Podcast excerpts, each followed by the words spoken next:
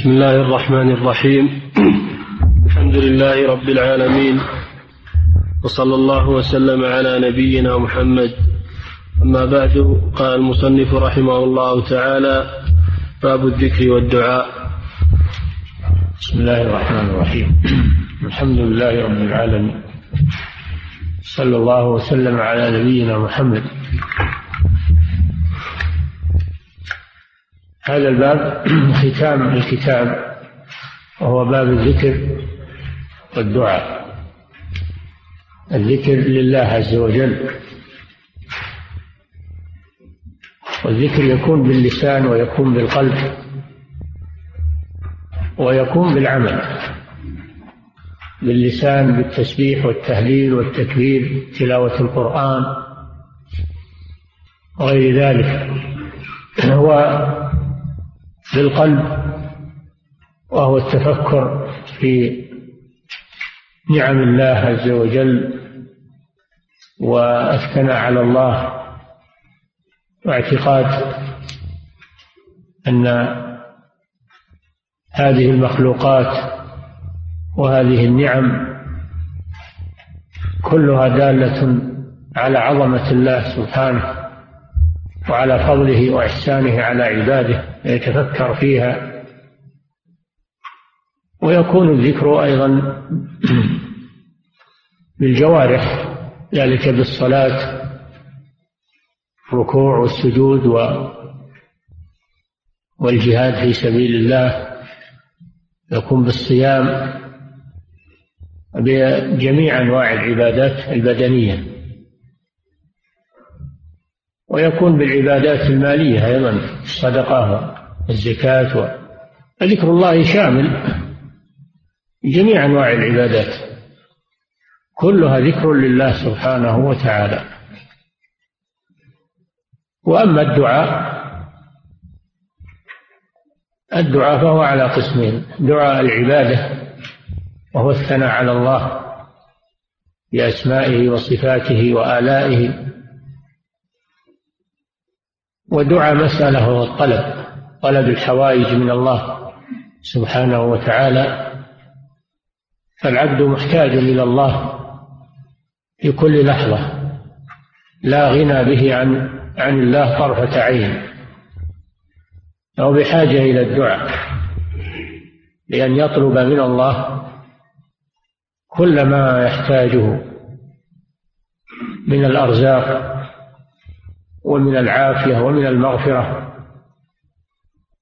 فيطلب من الله كل ما يحتاجه وهو محتاج إلى الله في كل أحواله فلا غنى له عن الدعاء.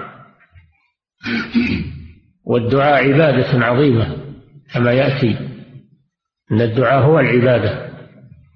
قد أمر الله تعالى به في آيات كثيرة. قال سبحانه وقال ربكم ادعوني أستجب لكم. إن الذين يستكبرون عن عبادتي سيدخلون جهنم داخلي قال سبحانه فادعوا الله مخلصين له الدين. وقال سبحانه وتعالى وإذا سألك عبادي عني فإني قريب أجيب دعوة الداعي إذا دعان. فهو عبادة عظيمة. والعبد بحاجة إليه ليرفع حوائجه إلى الله سبحانه وتعالى في كل لحظة وفي كل حين. وهو سمة الأنبياء والمرسلين. كما ذكر الله ذلك في كتابه عن أنبيائه أنهم يدعونه ويتضرعون إليه ويطلبون منه حوائجهم. فلا أحد يستغني عن الدعاء.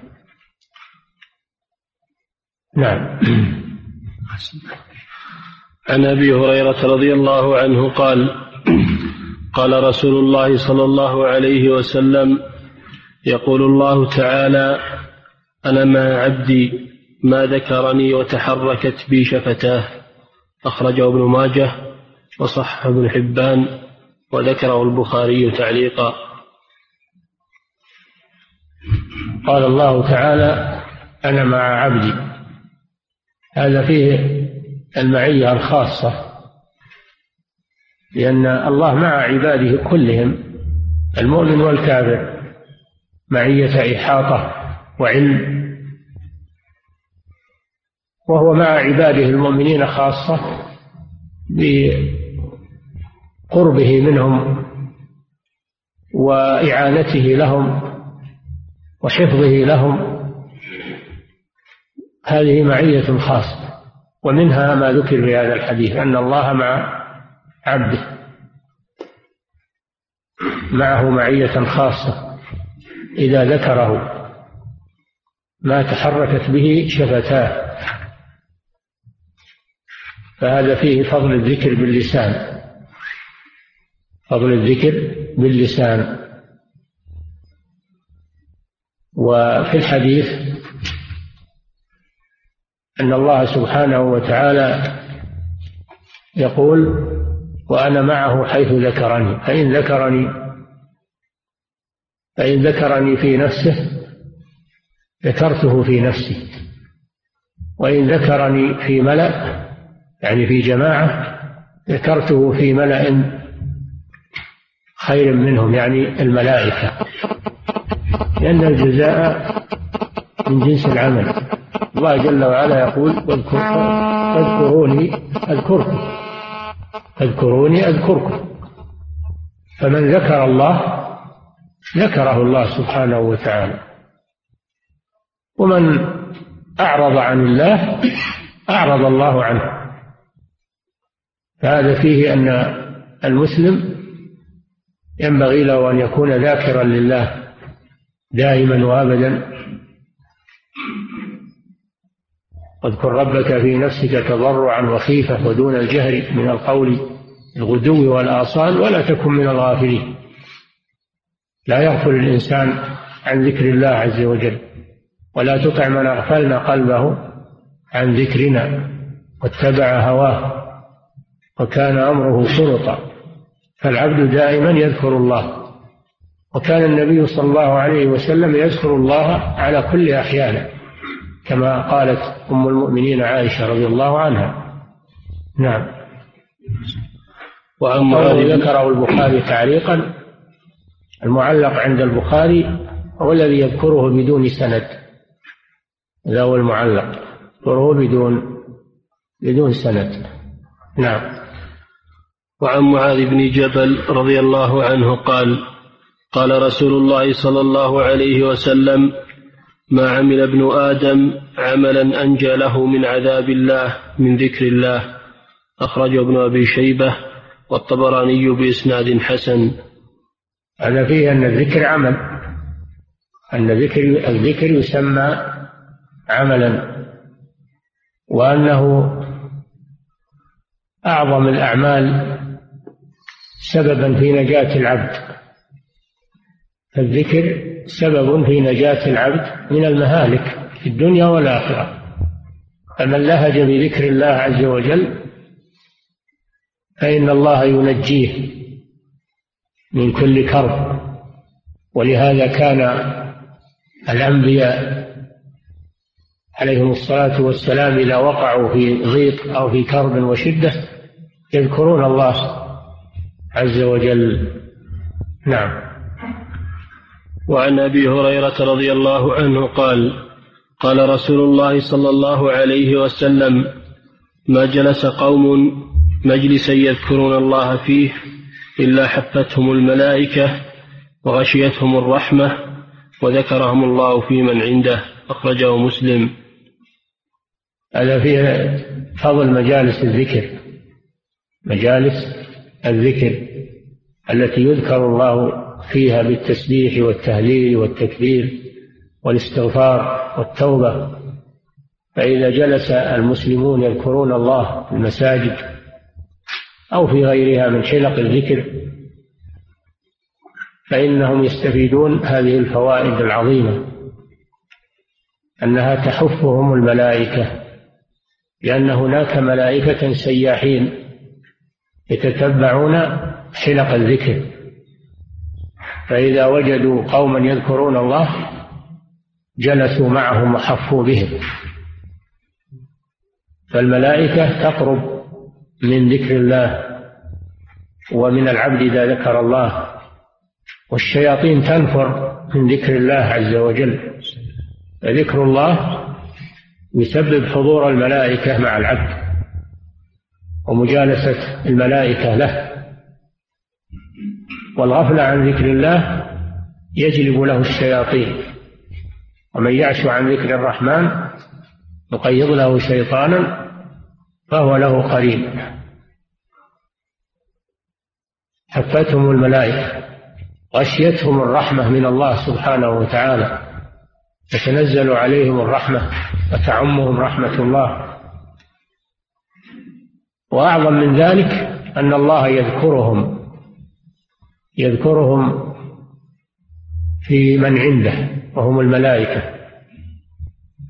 من عند الله وهم الملائكة. لأن من الملائكة من هم عند الله أقرب إليه من غيرهم. فيذكرهم الله يذكر الله عباده المؤمنين الذين يذكرونه في الأرض يذكرهم الله في السماء. عند الملائكة المقربين. وهذا فيه فضل الذكر لله عز وجل والاجتماع عليه.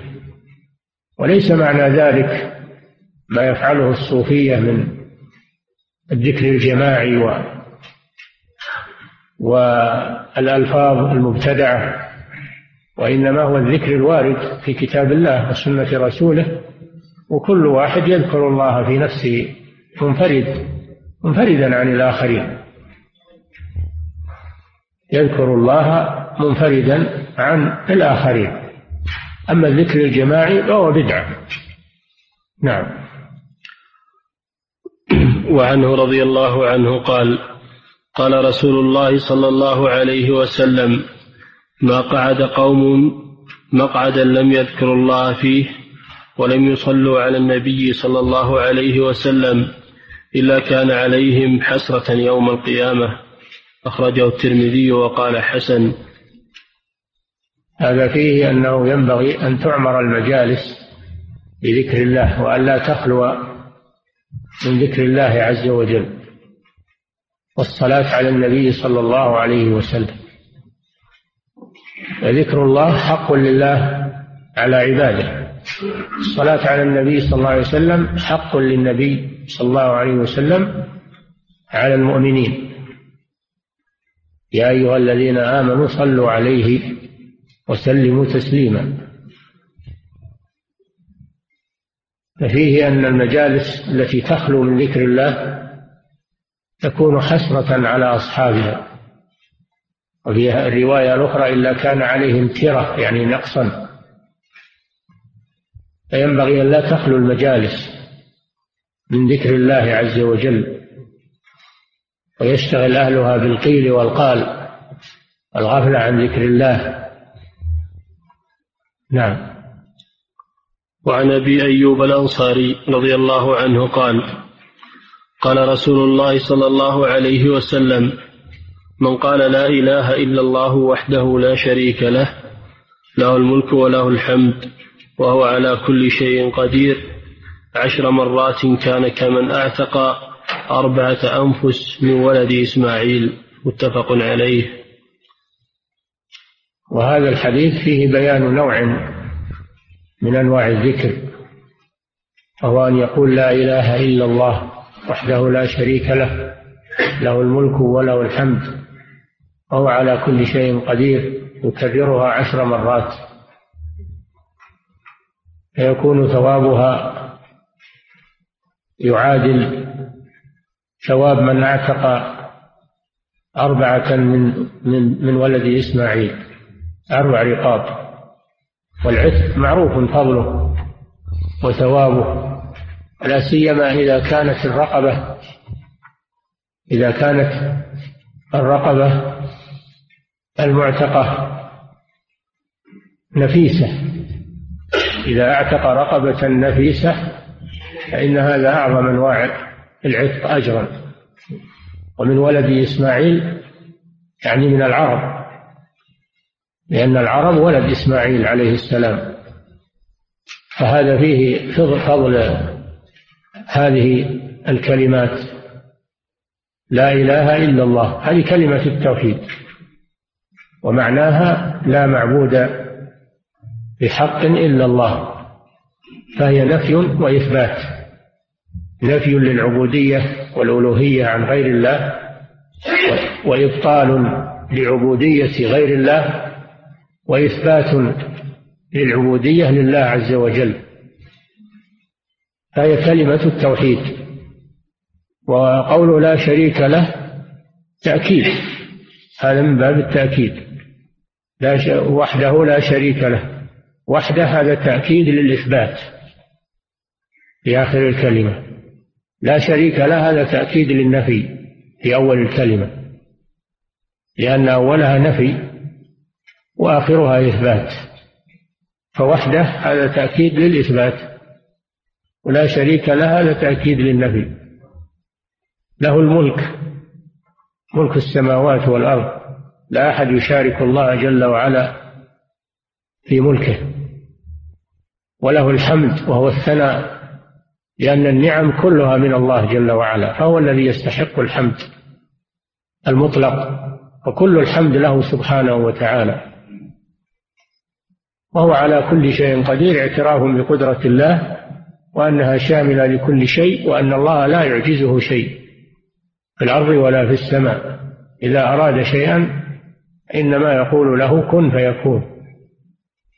ففيه فضل تكرار هذا الذكر عشر مرات. أعيد الحديث. وعن أبي ايوب الأنصاري رضي الله عنه قال قال رسول الله صلى الله عليه وسلم من قال لا إله إلا الله وحده لا شريك له له الملك وله الحمد وهو على كل شيء قدير. عشر مرات كان أربعة أنفس وولد إسماعيل متفق عليه. نعم. هذا يكون أفضل من عتق أربع أنفس من ولد إسماعيل يعني من العرب. وولد إسماعيل هم أشرف العرب لأن منهم لأن منهم رسول الله صلى الله عليه وسلم من ولد إسماعيل. وفيه أن أنه يشرع أو يجوز استرقاق العرب. هذا من أدلة القائلين بأن الاسترقاق ليس خاصا باليهود والنصارى وأهل الكتاب بل يعم كل كافر إذا استولى المسلمون عليه في الحرب فإنه يسترق. لما أبى أن يعبد الله عز وجل عاقبه الله فجعله رقيقا مملوكا للمخلوقين عقوبة له. كما عرف العلماء الرق بأنه عجز حكمي سببه سببه الكفر. عجز حكمي يقوم بالإنسان سببه الكفر. فلما كفر بالله وأبى أن يدخل في دين الله والله خلقه لعبادته فعبد غير الله ضرب الله عليه الرق عقوبة له. ولا يرتفع عنه الرق إلا بالعتق. لا يرتفع إلا بالعتق. وهذا فيه رد على الذين ينكرون الرق من الكفرة ومن تأثر بهم من الكتاب الجهال. ينكرون الرق ويقولون هذا ما لا يسوغ ان إن الآدمي يسترق الله هو الذي سوى هذا.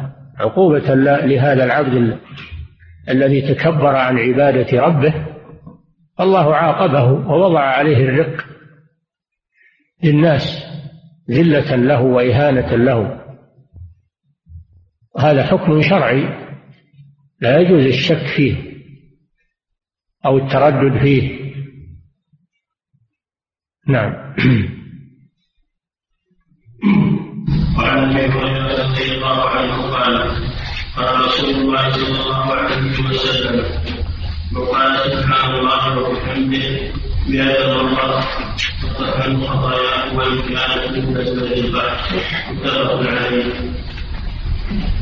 نعم ثم أيضا هذا الحديث الذي مر من قال لا إله إلا الله لم يقيده بوقت. لم يقيده بوقت فهو ذكر مطلق. يقوله الإنسان في كل وقت. وكذلك في هذا الحديث. من قال سبحان الله وبحمده مئة مرة أيضا هذا مطلق غير مقيد بوقت. يقوله الإنسان متى ما تيسر له ذلك حطت عنه خطاياه يعني غفرت له ذنوبه وإن كانت كثيرة مثل زبد البحر كثرة. زبد البحر كثير لا يحصى.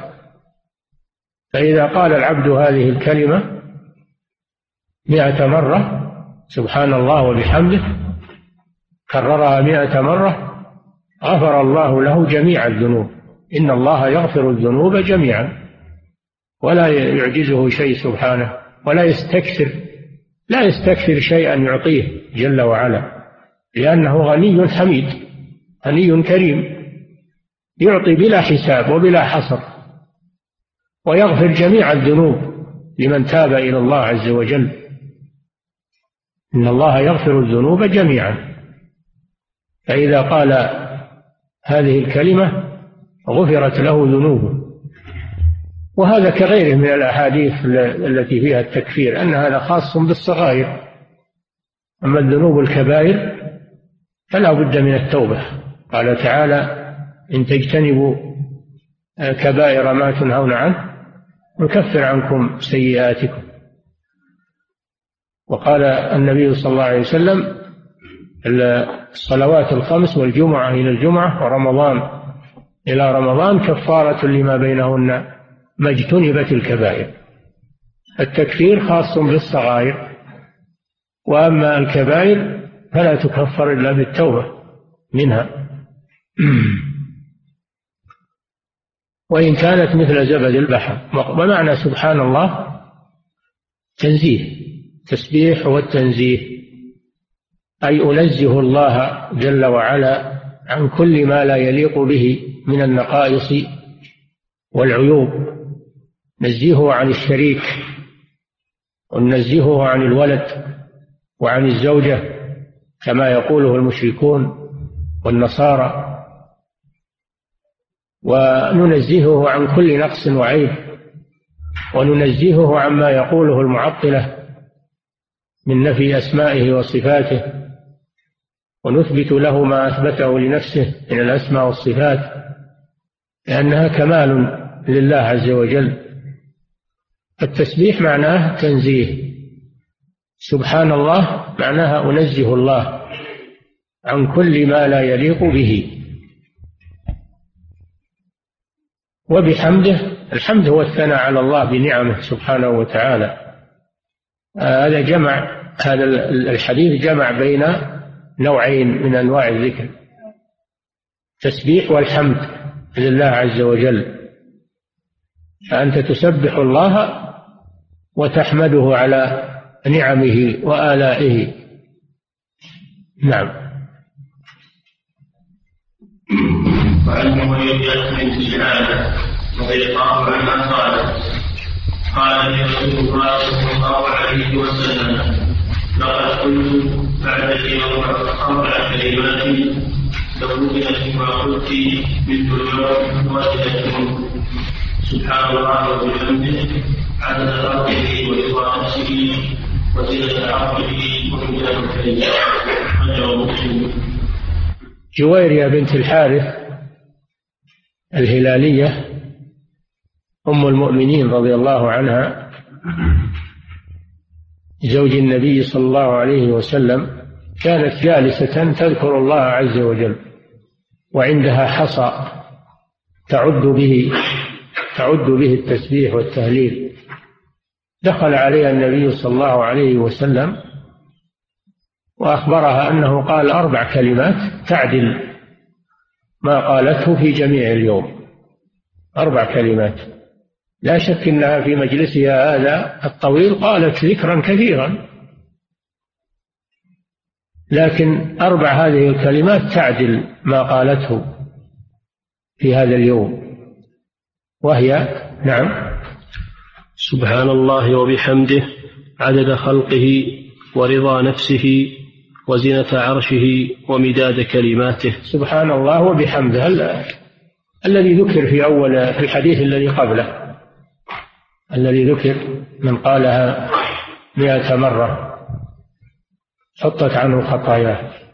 سبحان الله عرفنا تفسيرا وبحمده. عدد خلقه عدد ما خلق الله جل وعلا في السماوات والأرض من المخلوقات. تسبحه وتحمده عدد ما خلق سبحانه وتعالى في السماوات والأرض. ومن يحصي مخلوقات الله عز وجل. سبحان الله وبحمده. عدد خلقه. ورضا نفسه. رضا نفسه حتى يرضى سبحانه وتعالى. هذا فيه وصف الله جل وعلا بالرضا. وأنه يرضيه. يرضيه التسبيح والذكر. يرضي الله سبحانه وتعالى. ورضا نفسه. هذا فيه فضل هذا هذا الذكر. لأنه يكسب العبد أن الله يرضى عنه سبحانه وتعالى. وزنة عرشه العرش هو أعظم المخلوقات وأعلى المخلوقات. والله جل وعلا مستو على العرش فوق مخلوقاته. العرش هو أعظمها. ويقول زينة عرشه أي سبحان الله وبحمده زينة عرشه. وماذا يوازن العرش؟ على كبره وضخامته وعظمه. هذه الكلمة تعدل زينة العرش من من فضلها وعظمتها. ومداد كلماته. مداد هو الحبر الذي يكتب به. الحبر الذي يكتب به يسمى المداد. وكلمات الله كلام الله جل وعلا. كلام الله لا يعلمه إلا هو ولا يحصيه إلا هو. لأنه يتكلم جل وعلا ويأمر وينهى ويخلق و وما وما زال يتكلم سبحانه وتعالى بأوامره ونواهيه. الكونية والشرعية كلام الله لا يحصيه إلا الله سبحانه وتعالى. قل لو كان البحر مدادا لكلمات ربي لنفد البحر قبل أن تنفد كلمات ربي. ولو جئنا بمثله مدد ولو أن ما في الأرض من شجرة أقلام والبحر يمده من بعده سبعة أبحر ما نفدت كلمات الله. إن الله عزيز حكيم. كلام الله لا يحصيه إلا الله جل وعلا. فهذه الكلمة فهذه الكلمة تعادل المداد الذي يكتب به كلام الله مداد كلماته سبحانه وتعالى. دل على فضلها سبحان الله وبحمده. دل على فضلها مكانتها عند الله سبحانه وتعالى. ينبغي للعبد أن يلهج بها وأن يكثر منها. نعم وعن ابي سعيد الخدري رضي الله عنه قال قال رسول الله صلى الله عليه وسلم الباقيات الصالحات لا اله الا الله وسبحان الله والله اكبر والحمد لله ولا حول ولا قوه الا بالله رجعه النسائي وصححه ابن حبان والحاكم الباقيات الصالحات الباقيات الصالحات هي الأعمال الصالحة التي يبقى ثوابها. قال تعالى والباقيات الصالحات خير عند ربك ثوابا وخير املا باقيات الصالحات أي الأعمال الصالحة التي يبقى ثوابها ويستمر ثوابها. ومن الباقيات الصالحات. هذه الكلمات من الباقيات الصالحات؟ هذه الكلمات. آه، سبحان الله ولا إله إلا الله والله أكبر والحمد لله ولا حول ولا قوة إلا بالله. هذه هذه الباقيات الصالحات. هذه الأذكار وهذه الألفاظ العظيمة. سبحان الله هذه واحدة. ولا إله إلا الله هذه الثانية. والله أكبر هذه الثالثة. والحمد لله هذه الرابعة. و ولا حول ولا قوة إلا بالله. هذه الخامسة خمس كلمات. هذه من الباقيات الصالحات التي تبقى للعبد ويستمر ثوابها. عند الله سبحانه. وأما ما عداها من من أمور الدنيا وثروات الدنيا فإنها تذهب. المال والبنون زينة الحياة الدنيا والباقيات الصالحات خير عند ربك ثوابا وخير أملا. فالذي يعطى الأموال والأولاد لا يستمر له ذلك. وإنما مؤقت. إنما هو عطاء مؤقت. أما الذي يستمر ويبقى فهو هذه الكلمات التي يوفق المؤمن بأن يقولها ويكررها. هذه هي التي تبقى له عند الله سبحانه وتعالى. وأما أموال الدنيا والأولاد ولو كثروا وصلحوا فإنهم عطاء مؤقت يذهب ويزول. لكن هذه الكلمات تبقى ويستمر ثوابها له. سبحان الله عرفنا تفسيرا. لا إله إلا الله عرفنا تفسيرا. الله أكبر أي أعظم من كل شيء. أعظم من كل شيء. فلا كبير إلا والله جل وعلا أكبر منه وأعظم منه. أي كلمة عظيمة. والحمد لله عرفنا تفسيرها. ولا حول ولا قوة إلا بالله. لا حول ولا قوة. أي لا تحول من حال إلى حال إلا بالله جل وعلا. فلا تستطيع أنك تتحول من من المعصية إلى الطاعة إلا. إلا إلا بالله عز وجل. ولا تستطيع أن تتحول من المرض إلى الصحة إلا بالله عز وجل. ولا تستطيع أن تتحول من الفقر إلى الغنى إلا بالله عز وجل. لا تستطيع أن تتحول من حال إلى حال إلا بالله. أنت لا حول لك ولا تستطيع. والقوة كذلك. القوة كلها لله. وأنت ضعيف. أنت مخلوق ضعيف. لا تقوى على شيء إلا بتقوية الله لك. فهذا فيه التفويض إلى الله جل وعلا والبراءة من الحول والقوة وأن الإنسان لا يعجب بحوله وقوته بل يفوض ذلك إلى الله جل وعلا فيقول لا حول ولا قوة إلا بالله. هذا تفويض لله عز وجل وبراءة من الحول والقوة واعتراف اعتراف بالعجز اعتراف بعجز العبد. وأنه لا يستطيع شيئا إلا إذا أقدره الله عليه وأعانه عليه. نعم. وعن سمرة بن جندب رضي الله عنه قال قال رسول الله صلى الله عليه وسلم أحب الكلام إلى الله أربع لا يضرك بأيهن بدأت. سبحان الله والحمد لله ولا إله إلا الله والله أكبر أخرجه مسلم.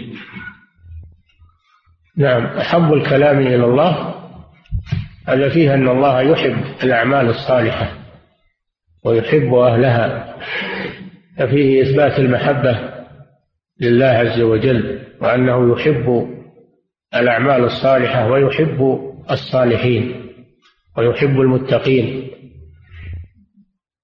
فهذه الأربع الكلمات سبحان الله والحمد لله ولا إله إلا الله والله أكبر. هي هي أحب إلى الله عز وجل مما سواهن من الأذكار. لما لما تتضمنه هذه الجمل العظيمة من تنزيه الله عز وجل والثناء عليه وتعظيمه نعم. أعد وعن سمرة بن جندب رضي الله عنه قال قال رسول الله صلى الله عليه وسلم أحب الكلام إلى الله أربع. نعم. لا يضرك بأيهن بدأت. يعني سواء قدمت فيهن أو أخرت فلا يضر هذا. سواء جئت بهن مرتبات كما في الحديث أو أنك قدمت بعضهن على بعض لا يضر. نعم. سبحان الله هذه واحدة. والحمد لله. هذه الثانية. ولا إله إلا الله. هذه الثالثة. والله أكبر. والله أكبر. أربع كلمات عظيمة. أربع كلمات عظيمة يحبها الله سبحانه وتعالى وهي أحب الكلام إلى الله. يعني أحب الذكر إلى الله عز وجل. نعم. وعن أبي موسى الأشعري قال قال لي رسول الله صلى الله عليه وسلم يا عبد الله بن ابن قيس ألا أدلك على كنز من كنوز الجنة؟ لا حول ولا قوة إلا بالله. متفق عليه. زاد النسائي لا ملجأ من الله إلا إليه. نعم هذا حديث أبي موسى الأشعري رضي الله عنه واسمه عبد الله بن قيس. وهو من السابقين الأولين إلى الإسلام ومن أفاضل الصحابة رضي الله عنه. أن النبي صلى الله عليه وسلم أخبره أن لا حول ولا قوة إلا بالله كنز من كنوز الجنة. كنز من كنوز الجنة. بمعنى أن ثوابها عظيم وهو الجنة. والجنة هي أعظم المطالب ففيه فضل هذه الكلمة لا حول ولا قوة إلا بالله. وعرفنا معناها. عرفنا معناها. ولماذا كانت بهذه المثابة؟ لأنها تتضمن التفويض إلى الله جل وعلا وإظهار العجز والفقر إلى الله عز وجل وأن الله هو القوي القادر على كل شيء. هي كلمة عظيمة. وهي خفيفة على اللسان سهلة. يرددها الإنسان ولا يغفل عن عن عنها. نعم. يعود لسانه الذكر. نعم. زاد النسائي لا ملجأ من الله إلا إليه. زاد النسائي في رواية هذا الحديث كلمة ثانية لا حول ولا قوة إلا بالله لا ملجأ من الله إلا إليه. إذا أرادك الله بشيء فلا أحد ينقذك. لا أراد إذا أرادك الله بضر أو بشيء فلا أحد ينقذك من الله سبحانه وتعالى. إلا الله جل وعلا. لا ملجأ من الله إلا إليه. وظنوا أن لا ملجأ من الله إلا إليه. فمن وهو الذي يجير ولا وهو الذي ويجير ولا يجار عليه يجير ولا يجير من استجاره ولا يجار عليه. إذا طلب أحدا من عباده فلا أحد يستطيع منع هذا العبد من ما أراد الله تعالى به. لو كما قال صلى الله عليه وسلم واعلم أن أهل الأرض لو اجتمعوا على أن ينفعوك بشيء لن ينفعوك إلا بشيء قد كتبه الله لك. ولو اجتمعوا على أن يضروك لم يضروك بشيء إلا شيئا قد كتبه الله عليك. هذا معنى لا ملجأ من الله إلا إليه. كما قال صلى الله عليه وسلم وأعوذ بك منك. أي ألجأ إليك منك سبحانه. فلا أحد يجير على الله. ولا أحد يمنع أحدا. لا مانع لما أعطى ولا معطي لما منع. ما يفتح الله للناس من رحمة فلا ممسك لها. وما يمسك فلا مرسل له من بعده. وهو العزيز الحكيم. نعم. عن رضي الله عنهما عن النبي صلى الله عليه وسلم قال إن الدعاء هو العبادة رواه الاربعه صححة الترمذي. وله من حديث انتهى من من الذكر. انتقل إلى الشق الثاني من الباب وهو الدعاء. والدعاء كما ذكرنا الدعاء على نوعين دعاء العبادة وهو الثناء على الله سبحانه وتعالى بأسمائه وصفاته. والثاني دعاء دعاء الطلب وهو طلب الحوائج من الله سبحانه وتعالى دعاء مسألة وطلب. وكلاهما تضمنته سورة الفاتحة فإنها تضمنت نوعي الدعاء. أولها دعاء عبادة. الحمد لله رب العالمين الرحمن الرحيم مالك يوم الدين. هذا دعاء عبادة. ثناء على الله وتمجيد لله سبحانه وتعالى. إياك نعبد وإياك نستعين. اهدنا الصراط المستقيم. هذا دعاء مسألة. تستعين بالله؟ تستعين بالله وتسأله أن يهديك الصراط المستقيم وأن يجنبك طريق المغضوب عليهم والضالين. هذا دعاء دعاء مسألة. لذلك صارت هذه السورة أعظم سورة في القرآن. لما تتضمنه لما تتضمنه من الدعاء بنوعيه ولذلك فرض الله قراءتها في كل ركعة. من الصلاة فريضة أو نافلة لعظمها وما عظم ما تتضمنه من هذا من نوعي الدعاء. نعم. وفي هذا الحديث أن النبي صلى الله عليه وسلم قال الدعاء هو العبادة يعني أعظم أنواع العبادة. العبادة أنواع العبادة أنواع كثيرة كل ما شرعه الله وأمر به فهو عبادة.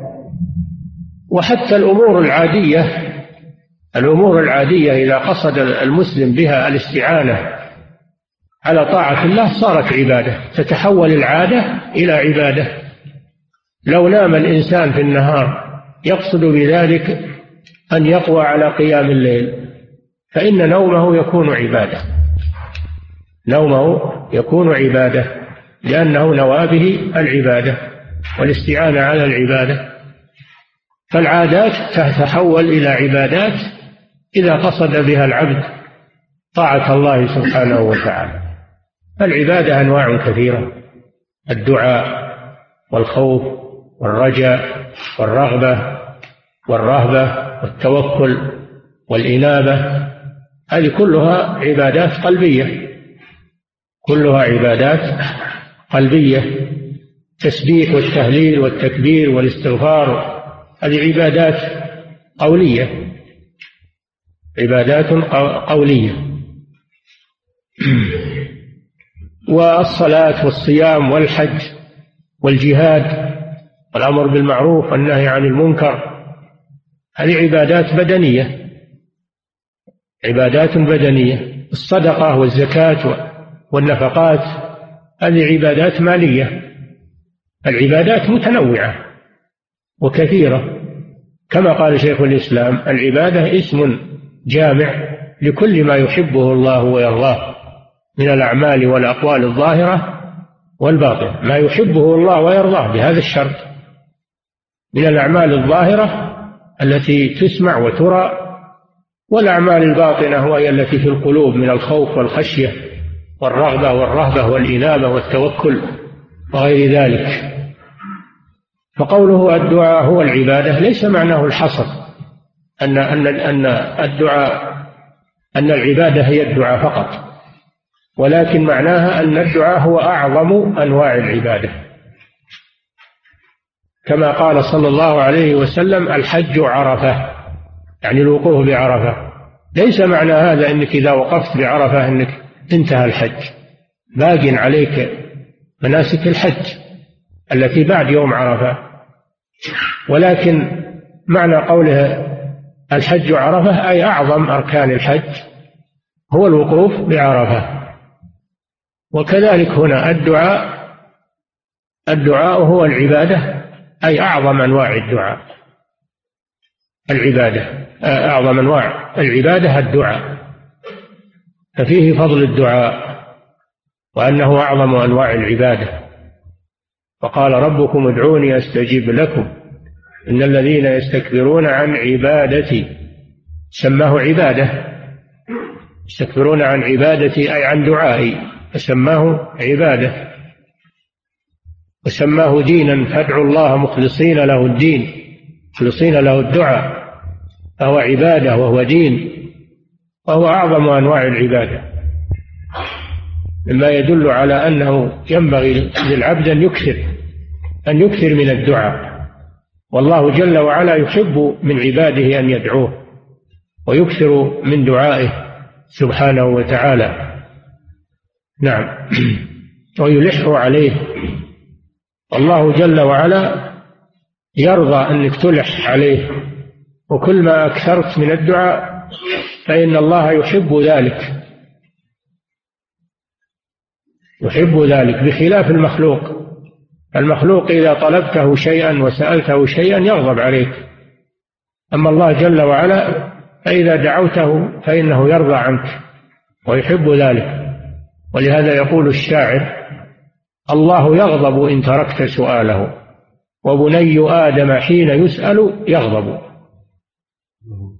نعم فالدعاء مقامه عظيم. عند الله سبحانه وتعالى. فينبغي للمسلم أن يكثر من الدعاء. نعم. في أمور دينه وأمور دنياه وكل ما يحتاج إليه. يدعو الله بكل ما يحتاج إليه من أمور دينه وأمور دنياه وآخرته. نعم. وعن ابن بشير رضي الله عنه النبي صلى الله عليه وسلم قال إن الدعاء هو وله من حديث الدعاء مخ العبادة وله مخ العبادة يعني خالص. المخ هو الخالص الدعاء هو خالص العبادة وأخصها وأعظمها. نعم. وله من حديث أبي هريرة رضي الله عنه رفعه ليس شيء أكرم على الله من الدعاء وصححه ابن حبان والحاكم. نعم وهذا أيضا فيه فضل الدعاء. ليس شيء نعم. أكرم على الله من الدعاء. ليس شيء. أكرم على الله أكرم من على الله من الدعاء. دل على أن الله يحب الدعاء يحب من عباده أن يدعوه ويفرح بذلك ويرضى عن صاحبه. فالعبد يلح بالدعاء ولا يقول يقنط ويقول أنا دعوت دعوت ولم يستجب لي. نهى النبي صلى الله عليه وسلم عن ذلك. عليه أن يدعو ولو لم يحصل له مطلوبه لأنه إذا دعا الله لم يخلو من إحدى ثلاث حالات. إما أن يعجل الله له دعوته وإما أن يدخر له في الآخرة في وقت هو أحوج إليها وإما أن يدفع عنه من السوء مثلها. فدعاؤه لا يضيع أبدا. دعاؤك لا يضيع عند الله سبحانه وتعالى. إما أن يعجله الله لك ويستجيب لك وإما أن يدخره لك أنفع وأحوج ما تكون إليه وإما أن يدفع عنك من السوء مثل ما دعوت. ولكن الشأن في إخلاص الدعاء. الشأن في إخلاص الدعاء وأيضا الشأن في تجنب الموانع التي تمنع قبول الدعاء. وموانع القبول كثيرة منها أن يدعو الله بقلب غافل. هذا لا يستجاب له. لا بد أن يكون قلبه حاضر عند الدعاء مقبل على الله سبحانه وتعالى. ومن موانع الدعاء أن يدعو الله وهو يأكل الحرام أو يلبس الحرام أو يشرب الحرام. الحديث في الرجل يطيل السفر أشعث أغبر يمد يديه يا رب يا رب ومطعمه حرام مشربه حرام وملبسه حرام وغذي بالحرام فأنى يستجاب لذلك. أكل الحرام يمنع قبول الدعاء. ومنها أن يدعو بإثم أو قطيعة رحم فلا يستجاب له لأن هذا اعتداء. هذا اعتداء في الدعاء ولا يقبل منه. نعم. ادعوا ربكم تضرعا وخفية إنه لا يحب المعتدين. نعم. وعن انس رضي الله عنه قال قال رسول الله صلى الله عليه وسلم الدعاء بين الأذان والإقامة لا يرد أخرجه النسائي وغيره. الدعاء على قسمين دعاء مطلق في كل وقت وفي كل حال. والقسم الثاني دعاء محدد مؤقت مؤقت بأحوال أو بأوقات يسمى الدعاء المقيد. ومنه هذا الحديث الدعاء بين الأذان والإقامة لا يرد فيستحب أن الإنسان يدعو في هذا الوقت. بين الأذان والإقامة يكثر من الدعاء والاستغفار التسبيح والتهليل والتكبير والذكر. يشغل الوقت ما بين الأذان والإقامة بذكر الله ودعائه. بعض الناس أو كثير من الناس يهملون هذا يهملون الدعاء بين الأذان والإقامة والذكر ويشتغلون بتلاوة القرآن. تلاوة القرآن لا شك أنها عمل جليل ولكن تلاوة القرآن لها وقت آخر. تلاوة القرآن لها وقت آخر. كونك تشتغل بالدعاء والذكر في هذا الوقت أفضل. لأن الدعاء المقيد في وقته أفضل من الدعاء المطلق. تلاوة القرآن مطلقة في كل وقت. وهذا الوقت مخصص للدعاء. فكونك تشتغل بالدعاء والذكر والاستغفار أفضل من تلاوة القرآن في هذا الوقت. هذا ينبغي يفضل له بين الأذان والإقامة كما أن فيه الحث على التقدم للمسجد لأن يكون هناك وقت يقضيه الإنسان قبل الإقامة يتجه للمسجد عند الأذان بحيث إذا أذن إذا هو في المسجد من أجل أن يجلس ينتظر الإقامة ويدعو. أما اللي ما يجي إلا عند الإقامة أو بعد ما يفوت بعض الصلاة هذا تفوته هذه الفضيلة العظيمة والفرصة الثمينة. نعم. فهذا فيه الحث على التقدم للمسجد والتفرغ للدعاء بين الأذان والإقامة لأنه في هذه الحال ينتظر الصلاة وهو في صلاة. الذي يجلس ينتظر الصلاة هو في صلاة فكونه يدعو في هذه الحالة هذا أفضل أوقات الدعاء. نعم. وكذلك من من الأحوال التي فيها الدعاء أكثر من غيره الدعاء في السجود. قال صلى الله عليه وسلم أقرب ما يكون العبد من ربه وهو ساجد فأكثروا من الدعاء. فقمن أن يستجاب لكم. الدعاء في آخر الصلاة قبل السلام الدعاء بعد السلام من الصلاة أدبار الصلوات. فهذه أوقات للإجابة. الدعاء في في الأسحار في آخر الليل بعد التهجد. هذا أيضا يكون له فضيلة ووقت النزول الإلهي حين ينزل ربنا إلى سماء الدنيا فيقول هل من داع فأستجيب له هل من سائل فأعطيه هل من مستغفر فأغفر له. فهناك أوقات لا ينبغي للمسلم أن يفوتها لأنها خسارة عليه تفوت. فينبغي أنه يتنبه لها ويعرفها ويتحراها ويحرص عليها لأنه بحاجة إلى اغتنامها. ولكن الغفلة والإعراض والجهل كل هذا مما يبعد الإنسان عن ذكر الله وعن الدعاء وعن منافع نفسه الاشتغال بالدنيا الاشتغال بالدنيا وأعمالها أيضا يشغل الإنسان عن استغلال هذه الأوقات العظيمة. نعم. وأعظم من ذلك الاشتغال باللهو واللعب و ومتابعة القنوات الفضائية. هذا يشغل الإنسان عن ذكر الله وعن الدعاء وعن صلاة الليل بل يشغله عن صلاة الفجر. فهذه صوارف ومعوقات تحرم الإنسان من هذه الفضائل العظيمة. نعم. وعن سلمان رضي الله عنه قال قال رسول الله صلى الله عليه وسلم إن ربكم حي كريم. حي حي. حي كريم.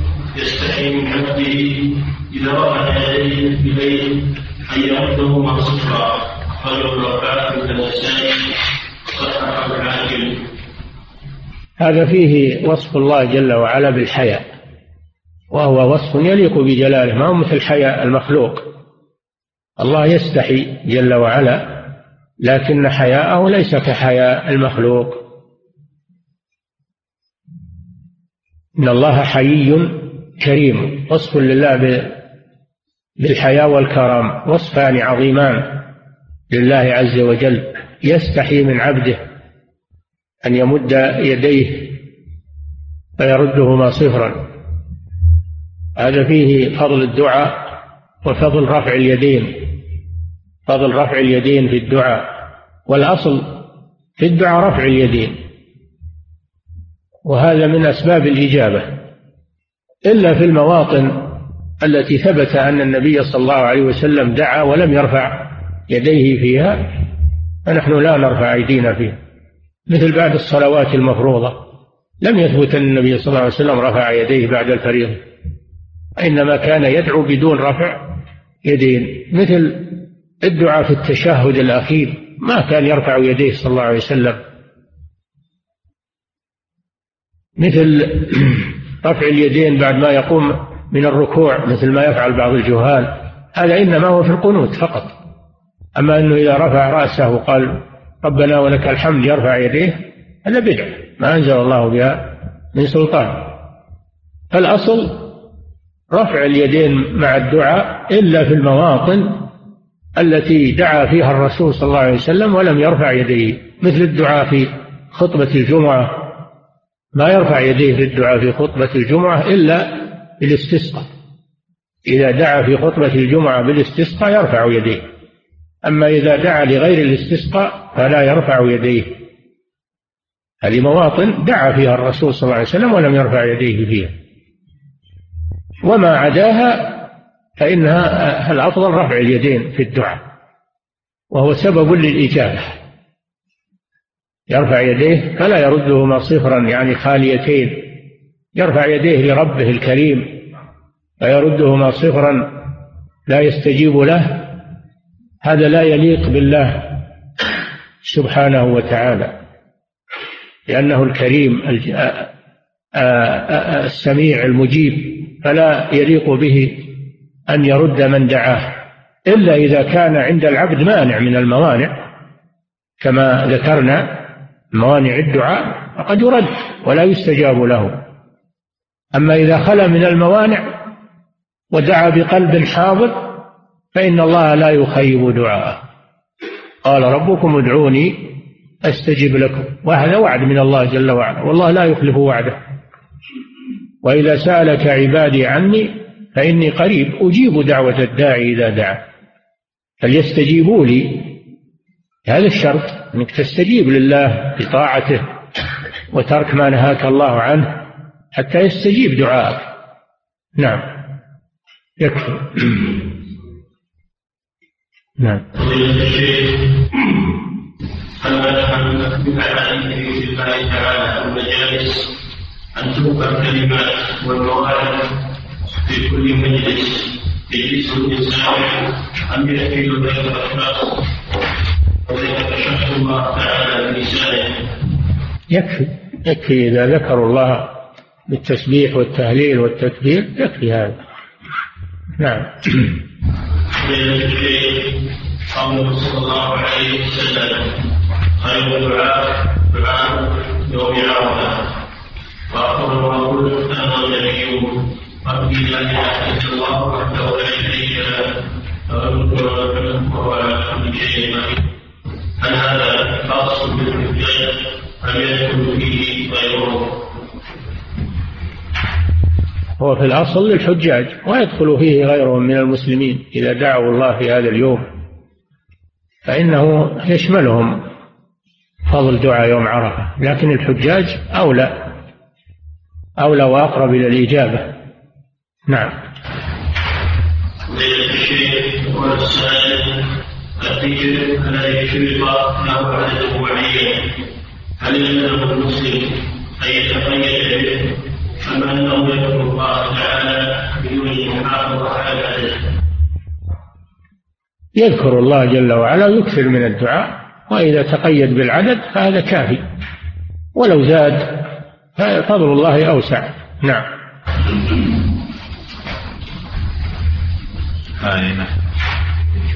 نعم.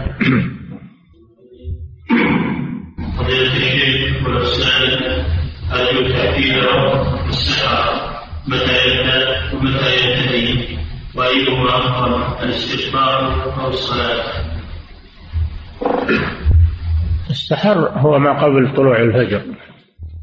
السحر ما قبل طلوع الفجر. هذا هو السحر. ولو كان قليلا. ما قبل طلوع الفجر ولو كان قليلا. يسمى سحر وإذا زاد في الوقت فهو أفضل. ويختلف هذا باختلاف الأحوال. فإن كان قام من الليل تهجد فإنه يتفرغ في آخر الوقت وقبل طلوع الفجر يتفرغ للدعاء والاستغفار. أما إذا كان ما قام فإنه يصلي. يصلي ويدعو ويستغفر في صلاته. ويكون من المستغفرين بالأسحار. نعم. يقول السائل هل يجوز قوله لا إله إلا الله وحده لا شريك له له الملك وله الحمد وهو على كل شيء قدير عدد خلقه ورضا نفسه عرشه ومدد كلماته قياسا على حديث وقال سبحان الله وبحمده. الحديث لا ما ما نأتي بشيء من عندنا إنما نقول هذا كما جاء في الحديث ولا نزيد عليه. نعم. فضيلة الشيخ يقول السائل من كان يجلس في مجلس لا يوجد فيه ذكر ولكنه يذكر الله في قلبه ولسانه في مفرده فلا يشمله الوعيد؟ إذا ذكر الله لا يشمله الوعيد ولكن الغالب أنه إذا ذكر الله ذكر الجالسون الله جل وعلا لأنه ينبههم لأنه ينبههم ويذكرهم فينبغي له أنه يذكر الله جهرا يجهر علشان تذكرون ويذكرون الله معه. نعم. فضيلة الشيخ يقول السائل هل نأخذ من حديث جويرية رضي الله عنها أن الذكر الجامع أفضل من التكرار؟ نعم هو كذلك. بعض بعض أنواع الذكر تغني عن غيرها تغني عن غيرها كما في حديث جويرية. نعم. فضيلة الشيخ يقول السائل هل الدعاء في الصلاة الفريضة والنافلة في أمور الدنيا يذكر في الصلاة ويبطلها هل؟ هل الدعاء في الصلاة الفريضة والنافلة في أمور الدنيا يضيف في الصلاة ويبطلها. نعم بعض العلماء يقول إنه إذا اقتصر على الدعاء في أمور الدنيا فقط تبطل صلاته. أما إذا جمع بين الدعاء في أمور الآخرة وأمور الدنيا فلا بأس. ربنا آتنا في الدنيا حسنة وفي الآخرة حسنة وقنا عذاب النار. فيجمع بين الدعاء لدينه ودنياه وآخرته ولا يقتصر على أمر الدنيا كما ذكر الله جل وعلا. فمنهم من يقول ربنا آتنا في الدنيا وما له في الآخرة من خلاق يعني نصيب. ومنهم من يقول ربنا آتنا في الدنيا حسنة وفي الآخرة حسنة وقنا عذاب النار أولئك لهم نصيب مما كسبوا.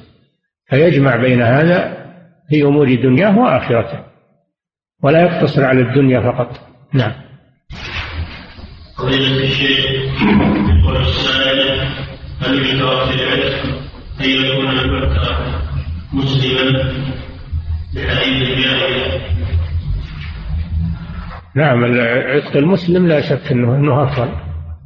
عتق المسلم أفضل من عتق غير المسلم.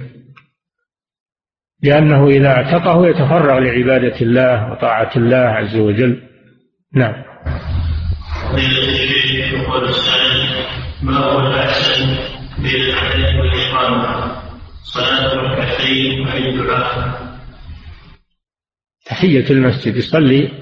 تحية المسجد إذا دخل ثم يجلس للدعاء. لكن الرواتب مثل أربع ركعات قبل الظهر هذه راتبة يأتي بها. وأما العصر فليس لها راتبة فإذا دخل المسجد يصلي ركعتين ويجلس للذكر وإن صلى أربعا لأنه ورد أيضا صلاة أربع قبل العصر لكنها ليست راتبة. فإذا صلى أربعا هذا أفضل والصلاة تشتمل على على الذكر هي ذكر لله عز وجل. نعم.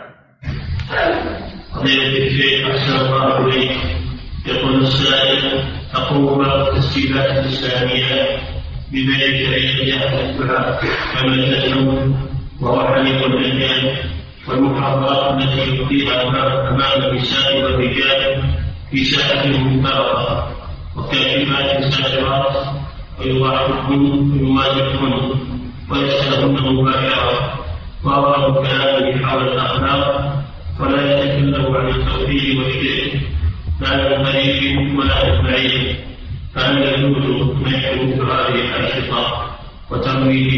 وما هي نصيحتكم لأصحاب مثل هذه التسجيلات؟ الواجب على السائل أنه يأخذ هذا الشريط ويكتب معه خطاب للإفتاء وينظر فيه إن شاء الله. فإذا كان كما ذكر فإنه سيمنع بإذن الله. نعم. أو أو يذهب به. أو يذهب به إلى مركز من مراكز الهيئة. يذهب به إلى مركز من مراكز الهيئة. والهيئة تكتب تكتب للإفتاء. نعم.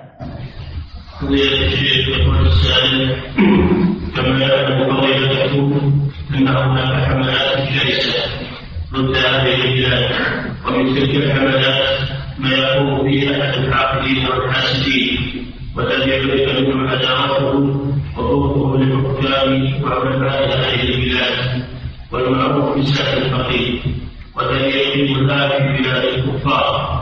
فقد قام آخر بذات خلاف فضائية وقال له موضع له على شركة الفقير يدعو من خلالهما الخروج على ولاة الأمر في هذه البلاد في هذه البلاد.